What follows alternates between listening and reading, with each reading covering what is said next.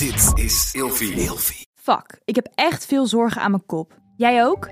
In deze podcast bespreken we al onze schaamte, eenzaamheid, issues, experimenten en gaan we op zoek naar onszelf.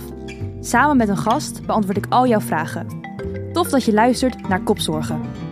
Hey, wat leuk dat je weer luistert naar een nieuwe aflevering van Kopzorgen. En mensen, wat heb ik zin in deze aflevering? Want vandaag gaan we het hebben over experimenteren met seks. En heb je ook wel eens dat je met een vriend of vriendin het over hebt en dat je denkt, hoe de fuck werkt dit of dat? Ik heb geen flauw idee. Nou, vandaag worden al die vragen beantwoord, want in de studio tegenover mij zit Nienke Nijman. Geen Hi. druk, hè? Nee, nou, een beetje. Weet je wel. Maar ik ga, Ja? eerst, ik ga je eerst even Oh, introduceren. Dat Ja. gaan we eerst doen. Nienke is seksuoloog, therapeut en columnist. Schrijfster van het boek De Relatie APK. Host van de podcast Seks, Relaties en Liefdes. En je zou haar ook kunnen kennen van meerdere programma's... waar ze vaak aanschuift om allerlei vraagstukken te beantwoorden. Maar vandaag is ze hier. Ik voel me echt vereerd dat je er bent. Ik heb er echt zin in. Nou, hartstikke leuk. Ik ben benieuwd. Ja, want we hebben een hoop vragen binnengekregen. Het zijn er echt heel veel, dus eh, we moeten er echt vlotjes doorheen. Wil je nou een vraag stellen voor in de podcast? Dat kan via Instagram, kopzorgenpodcast. En we zijn ook te vinden op TikTok, kopzorgenpodcast. Oké, Nienke, we gaan beginnen met een stelling om het ijs te breken. Kom maar op. De stelling voor vandaag is... experimenteren met seks is een vereiste voor een beter seksleven. Nee. Ik dacht al dat je dat ging zeggen eigenlijk. Echt? Ja, omdat wat is experimenteren ook? Dat was eh, hetgene wat ik ook dacht. Ja, Want wat is experimenteren? En met experimenteren denkt iedereen toch wel vaak, ongeacht leeftijd, toch wel vaak dat ze echt. ehm, nou ja, dat ze in het, in het zwarte latex moeten gaan lopen. Snap dat ze met zweepjes aan de slag moeten. Dat hebben best wel een beetje een soort van het, het verdere eind van het continuum. Terwijl experimenteren echt in veel kleinere dingen zit. En ik denk niet zozeer dat experimenteren een vereiste is voor een beter seksleven. Ik denk dat dat ook in andere dingen zit. Maar dan kan je je wel weer afvragen, ja, maar wat is dan experimenteren? En zijn die andere dingen dan niet toch ook een klein beetje experimenteren? want waar denk je aan bij andere dingen? Nou ja, überhaupt communiceren. Ehm, het, het dingen aangeven, grenzen aangeven, wensen aangeven, behoeftes uitspreken, verlangens, fantasieën. Ergens zal dat voor mensen ook wel voelen als een stukje experimenteren, kijken hoe dat is, omdat het iets is wat ze nog niet eerder hebben gedaan. Ja, Maar dan zou ik er toch voor waken, omdat als je kijkt naar hoe de meeste mensen experimenteren ervaren, dat woord, hè, wat voor lading ze daaraan geven, dan zou ik daarin zeggen van nee, dat, dat is dus niet zo, dat is niet een vereiste. Maar als je hem er wat langer de tijd voor hebt en het er echt over hebt, en dan inderdaad al die dingen die ik net noemde, als je dat ook gaat zien als nieuw gedrag, uit dingen die je als, als nieuw gaat uitproberen, dan denk ik het wel. ja, want het is wel grappig wat je zegt. Het eh, stereotype beeld wat mensen hebben van experimenteren. Want ik heb aan de luisteraars gevraagd wat voor hen allemaal viel onder experimenteren. En ik zal het even opnoemen. Ik kreeg een paar antwoorden binnen. Of, Nou, trouwens eigenlijk best wel veel. Kings, rollenspel, speeltjes, trio's, tantra, dirty talk, vastbinden, slaan en tepelklemmen kreeg ik binnen. En als je het dan hebt over experimenteren, dit zijn best wel, best wel dingen. Heftige dingen. Slaan staat ertussen. Tepelklemmen. Ik moet niet aan tepelklemmen denken. Ja, maar tepelklemmen klinkt ook heel groot. Hè? Met tepelklemmetjes. De klemmetjes zijn heel klein. en als je daarmee gaat proberen, dan zou ik aanraden om degene te gebruiken die je, die je kan verstellen op maat. In plaats van die gewoon maar één, één optie hebben. Want dan kan het inderdaad heel, heel vervelend zijn. Maar dat is inderdaad, als je het hebt over kinks, als je het hebt over anaal, dat zijn best wel, dat zijn best wel stappen die je dan, die je dan zet. Maar ik denk dat we daar ook over gaan hebben. Dat ik heb het gevoel dat, dat er in de media en in films heel erg een soort van... Het is of normaal, normaal seks, tussen aanhalingstekens... Of het is met pakjes en eh, het is, ik heb het gevoel dat er bijna geen tussenweg te zien is. Ja, maar dat is ook die tussenweg. Die laat zich natuurlijk een stuk minder prettig op film vastleggen. Laat zich veel, dat is veel minder interessant om te zien in, in beeld. Ja. Dus als je het hebt over wat is er nou tv-geniek, ja, dat zijn de pakjes. Dat zijn of, of inderdaad het vanilla-stuk en, en het fijne, liefdevolle, romantische en, en passievolle. Of dat is inderdaad waar de pakjes en, en dat het dus voor het beeld ook echt duidelijk is van, oh ja, hier gebeurt iets anders uh, dan anders. Maar alles wat daartussen zit, is denk ik wat veel meer ligt bij, nou ja, wat eigenlijk een soort van de norm is voor mensen in hun seksualiteit.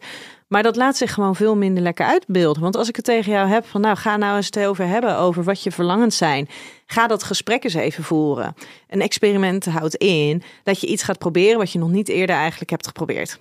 Als jij nog nooit op die manier over seksualiteit gecommuniceerd hebt en je gaat het dus hebben over je verlangens, je gaat je fantasieën uitspreken, nog even los van het uitoefenen ervan, ja, dat kan echt als heel spannend en experimenteel voelen, omdat je helemaal niet weet hoe het gaat, gaat uitpakken, hoe het gaat voelen, wat voor impact het gaat hebben. Dat is helemaal niet zo interessant om te, op tv te laten zien.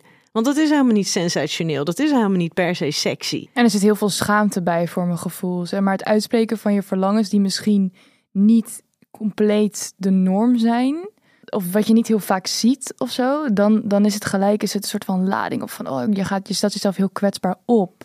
Maar als je kijkt naar een serie als Sex Education, ik weet niet of je die hebt gezien. Ja. ja, die pakjes. Op een gegeven moment wordt er geëxperimenteerd met een soort van alien pakjes. En ik denk echt van, ja, maar dit is zo'n grote stap, weet je wel. is dit dan wat rollenspel is? Nee. Nee. Nou, daar moet, daar moet, we moeten daar. Nee, ja. ja. Maar dat is natuurlijk wel, als je het hebt over de norm. Ik denk dat het heel belangrijk is om daarmee te benoemen dat we hebben een idee van dit is de seksuele norm. Dit is een maatschappelijk geaccepteerd beeld van hoe seks zich kleurt. Maar dat is enkel gebaseerd op wat onderzoekscijfers, waarbij heel vaak sociaal wenselijke antwoorden worden gegeven. En die zogenaamde seksuele norm is eigenlijk maar de norm van een heel klein groepje mensen. Als je het hebt over heel veel andere dingen, over voeding, over sporten, over um, manieren om, om te studeren. Daar heb je heel veel mogelijkheden om in gesprek te gaan met anderen, om filmpjes te kijken van anderen, om uh, vlogs te kijken van anderen, blogs te lezen van andere mensen over hoe zij dat doen. Maar met seks is dat er heel veel minder. Dus blijven we het beeld hebben van de norm, zoals dat die dus een soort van is gecreëerd op basis van onderzoekscijfers. Als je oprecht gesprekken gaat voeren, en in die gelegenheid ben ik natuurlijk in mijn werk, dan kleurt seks zich zo verschrikkelijk divers. En dan wordt dus die hele norm van, van seksualiteit wordt zoveel breder. Want er is heel weinig waarvan mensen dat tegen mij kunnen zeggen van nou dat is waar ik naar verlang of dat is waar mijn fantasieën over gaan. Dat ik dan denk nou ga je schamen, doe eens even normaal. Nee, Dit is bizar. Dat zou raar zijn. Nee, ja, maar dat is en ja. ja, maar als het voor mij raar zou zijn als ik dat zou ervaren, waarom is het dan voor al die andere mensen niet raar dat ze dat dus zo ervaren? Maar ik vind het wel lastig dat vooral ook op deze leeftijd, als je twintig bent, dan ga je een beetje experimenteren. Maar er wordt niet echt over gepraat. Er wordt over de standaard dingen, wordt wel gepraat. Ja, conform norm. Ja, maar als het echt gaat over inderdaad, en, en kinks ook nog wel, maar als je echt dingen zegt, zoals bijvoorbeeld in dat rollenspel, dan kijken mensen je toch wel aan van, oh echt? Uh, maar ook, er is ook een bepaalde nieuwsgierigheid. Want ik ben ook wel benieuwd wanneer het een goed moment is om te gaan experimenteren met seks. En dan denk ik vooral als je in een relatie zit, wat voor relatie dat ook mag zijn. Omdat ik ook een beetje het beeld heb van ja, maar je gaat toch pas experimenteren als het niet zo goed gaat. Dan pak je het. Dat zie je ook vaak toch op tv, dat ik dan denk van. Oh ja, of, of je doet het niet te vroeg, want dan heb je alles al vergeven. Je moet het langzaam opbouwen. La, Wat vind jij daarvan? Uh, daar vind ik een heleboel van. Uh, als je het gaat doen op het moment dat het al een tijdje stroef loopt, dan heb je dus al een tijdje dat het stroef loopt. Dan heb je dus al een periode waarin seksualiteit een stuk complexer wordt. En waarbij het voor spanningen gaat zorgen, gevoelens van afwijzing, teleurstelling, uh, machteloosheid, dat soort dingen. Dus dan wordt seks aan zich al een stuk complexer. Dus wil je daarna een periode gaan inlassen, zo van, oh hey, we moeten wat met die seks gaan doen. En we gaan eens eventjes kijken of we, of we een beetje kunnen gaan experimenteren en nieuwe dingen kunnen gaan ontdekken. Ja, dat is, dat is natuurlijk helemaal prima. Maar dan heb je wel ook al die complexe periode die je met je meedraagt. En die je niet zomaar eventjes van je afschudt dat duurt wel eventjes. En als je het vanaf je begin van je relatie doet, ja, ergens kan je zeggen, ja, daar heb ik al mijn kaarten verspeeld. En, en dan, weet je, dan moeten we nog 20 jaar, 30 jaar samen en dan. Maar dat denk en ik dus. dan. Ja. Ja, maar wat je niet moet vergeten is dat seksualiteit aan zich is iets wat een leven lang in beweging is. Dus datgene waar jij nu mee gaat experimenteren, hè, je bent begin twintig.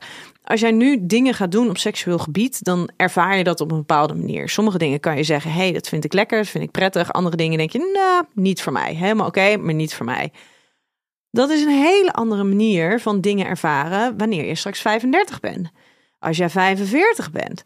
Ik heb nu al dat de manier, als ik terugkijk naar, naar hoe ik uh, seks ervaarde, zeg maar zo'n zo'n 15 jaar geleden, denk ik, ja, maar dat is dus al heel anders dan dat ik dat nu doe. Maar, maar dan doe je hetzelfde, maar dan voelt het anders. Dan voelt het anders. Je huid reageert anders. Mentaal gezien ben je ergens anders. Hoe jij in je eigen vel zit, dus letterlijk je gevoel van zelfvertrouwen, in contact zijn met je lichaam, dat speelt allemaal een rol hierin. Dus stel dat ik nu alle, al deze dingen hier probeer, zeg maar, dus van kings, zweepjes, alles. En ik ben zometeen 30 jaar ouder. En dan, dan is het niet dat het op een gegeven moment een soort van sleur wordt van... oh, maar dit hebben we al 30 keer gedaan, weet je wel? Nee, want dan kan het dus uh, zelfs zo zijn dat dingen die je nu probeert... en waarvan je denkt, ja, dit vind ik helemaal niks... dat je dus over 20 jaar daarmee in aanraking komt en denkt zo... maar dit is fijn? En dat heeft dus alles te maken met dat jij zelf verandert als persoon... je perspectief op seksualiteit verandert, op intimiteit... Je relatie met je eigen uh, lichaam verandert. Je relatie aan zich verandert, je partner verandert.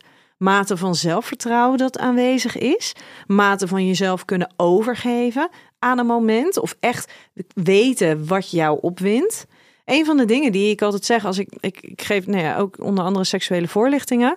En zeker tegen de 16, 17, 18-jarigen zeg ik ja, maar datgene wat je nu gaat proberen, hou er rekening mee dat je de komende 15 jaar echt nog in een ontwikkelingsfase gaat zitten. Dat je echt dingen gaat leren, ontdekken, dat je daarin gaat groeien. Het is niet zo dat als je 18, 19, 20 bent en je hebt de leeftijd om seks te mogen hebben, dat je dan dus ook precies weet hoe je seks moet hebben. Wacht, 18, 19, 20 vind jij de leeftijd om seks te mogen hebben? Nou ja, dat was wel een, beetje eerder. ja, ja, ik ook. Maar um, ten eerste, we zien dat die leeftijd gewoon echt een stuk aan het opschuiven is. Dat het een stuk ouder wordt. Ja? Ja, ja de helft van de jongeren heeft voor het eerste keer geslachtsgemeenschap als ze 18,3 zijn. Maar door corona? Of nee, nee, nee, nee, dat was al voor corona. Door corona is het waarschijnlijk, maar dat zullen we pas over een paar jaar zien, uh, is dat nog verder opgeschoven. Oh. Dus dat is al heel erg aan het verlengen. En ik wil niet iemand het idee geven, daarom zeg ik altijd 18, 19, 20. ik wil zeker niet het idee geven dat als je uh, um, dan zeg maar, als ik zeg ja, van je 14e, 15e. Ja, ik was 15. ja, maar goed, weet je, iedereen is daar natuurlijk anders. En wat je over het algemeen ziet, is dat rond 14, 15, 16, nou ja, vanaf denk ik bij de jongens vanaf 12, 13, 14, um, is voornamelijk toch wel een beetje op solo seks gere, ge, uh, gericht. Okay. Zeker met jongens die gaan masturberen. Ja. Die doen daar hun eerste ervaringen voornamelijk op.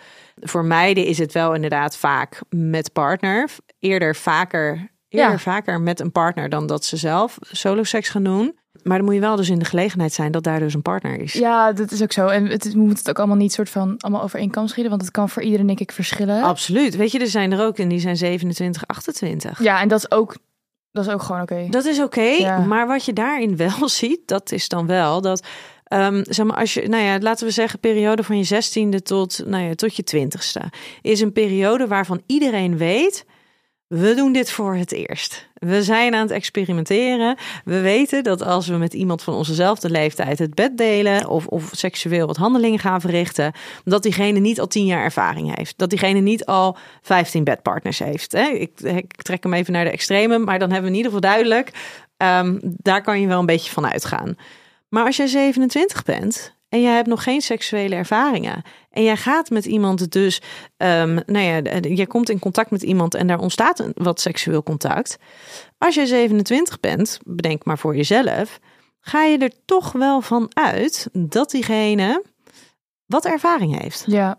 Dus die drempel wordt hoger. En je kan ook misschien denken dat het een afknapper is voor die anderen. Ja, en, je, en dat heeft gewoon vaak ook wel een impact op je, op je um, zelfvertrouwen. Je gevoel vaardigheid te zijn of niet. Maar hier gaan we het ook nog een keer over hebben. Want het, het is ook wel interessant dat um, de druk die, die jongeren voelen om dan ontmaagd te worden. Vind ik overigens echt een vervelend woord. Maar goed, we gaan uh, door want naar de vragen. Is, wat is ontmaagd? Snap je? Ik, oh, net als ongesteld. Maar goed, um, ik heb een aantal vragen binnengekregen. Dus even kijken.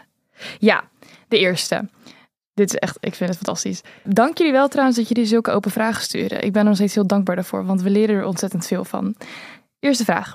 Ik wil graag een keer met rollenspel experimenteren, maar mijn vriendin voelt zich hier niet comfortabel bij. We willen het allebei wel proberen, maar ik merk dat het snel ongemakkelijk wordt. Wat kunnen we hier aan doen? Ja, dat is heel grappig, want ik voel nu echt volledig mijn eigen ongemak. Ja? Ja, echt aan alle kanten. Wat dan?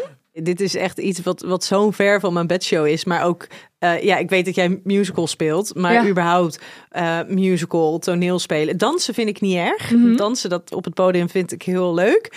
Maar dat een, een toneelstuk spelen en ook bijvoorbeeld rollenspellen met, met de opleiding. Met mijn opleiding heb ik echt eindeloos veel rollenspellen moeten doen. Nou, vond ik verschrikkelijk. En daar bleef ik altijd heel ver van weg. Waarom dan? Ja, weet ik niet. Omdat ik dan... Ik, het, het, dat, dat, dit? Je voelt, ik denk wel dat het ongemak is omdat je ook denkt van ja, maar dit is nep. Ik voel me niet als mezelf. Wat, Nee, wat zijn we nou eigenlijk aan het doen? oprecht. Ja. En nee. Dus ik kan me hierin heel goed voorstellen dat als het iets is eh, wat, je, wat je vriendin ongemakkelijk voelt.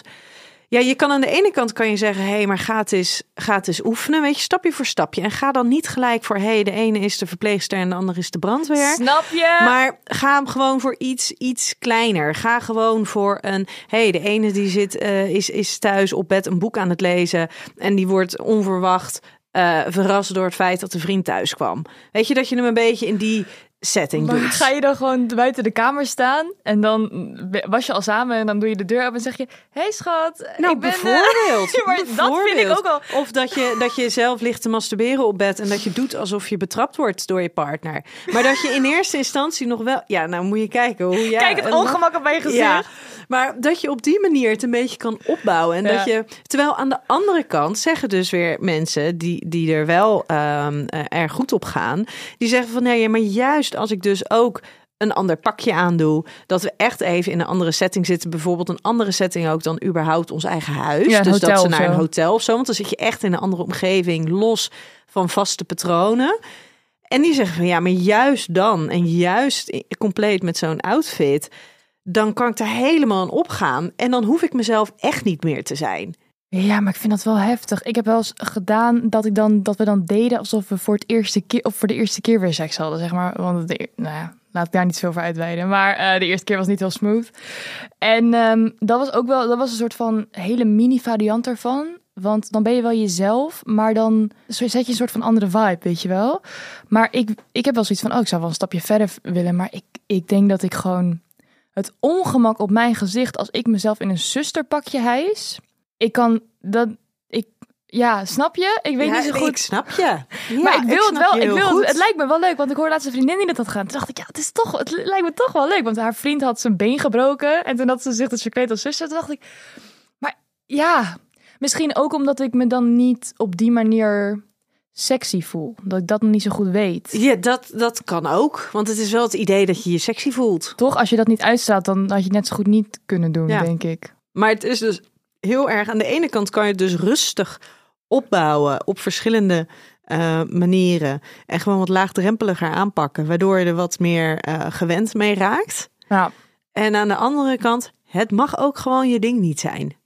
Ik ben namelijk echt benieuwd als ik naar mezelf kijk en alleen maar het ongemak wat ik ervaar bij het idee eraan, vraag ik me af of ik mezelf ooit in een rollenspel zal zien. Heb je dat? Wacht, heb je het ooit gedaan? Nee, Heb je het nog nooit gedaan? nee, Niet eens om uit te proberen. nee. Waarom niet? Nou, omdat ik alle rollenspellen die ik ooit heb gedaan, alleen dan werkgerelateerd, dusdanig intens en, en heftig vind, vond, ehm, dat ik daar echt geen enkele behoefte aan heb om mezelf dan zo kwetsbaar op te stellen. Oké, maar wat nou als je partner het wel wil en jij, of, eh, je, of jij wel en je partner niet?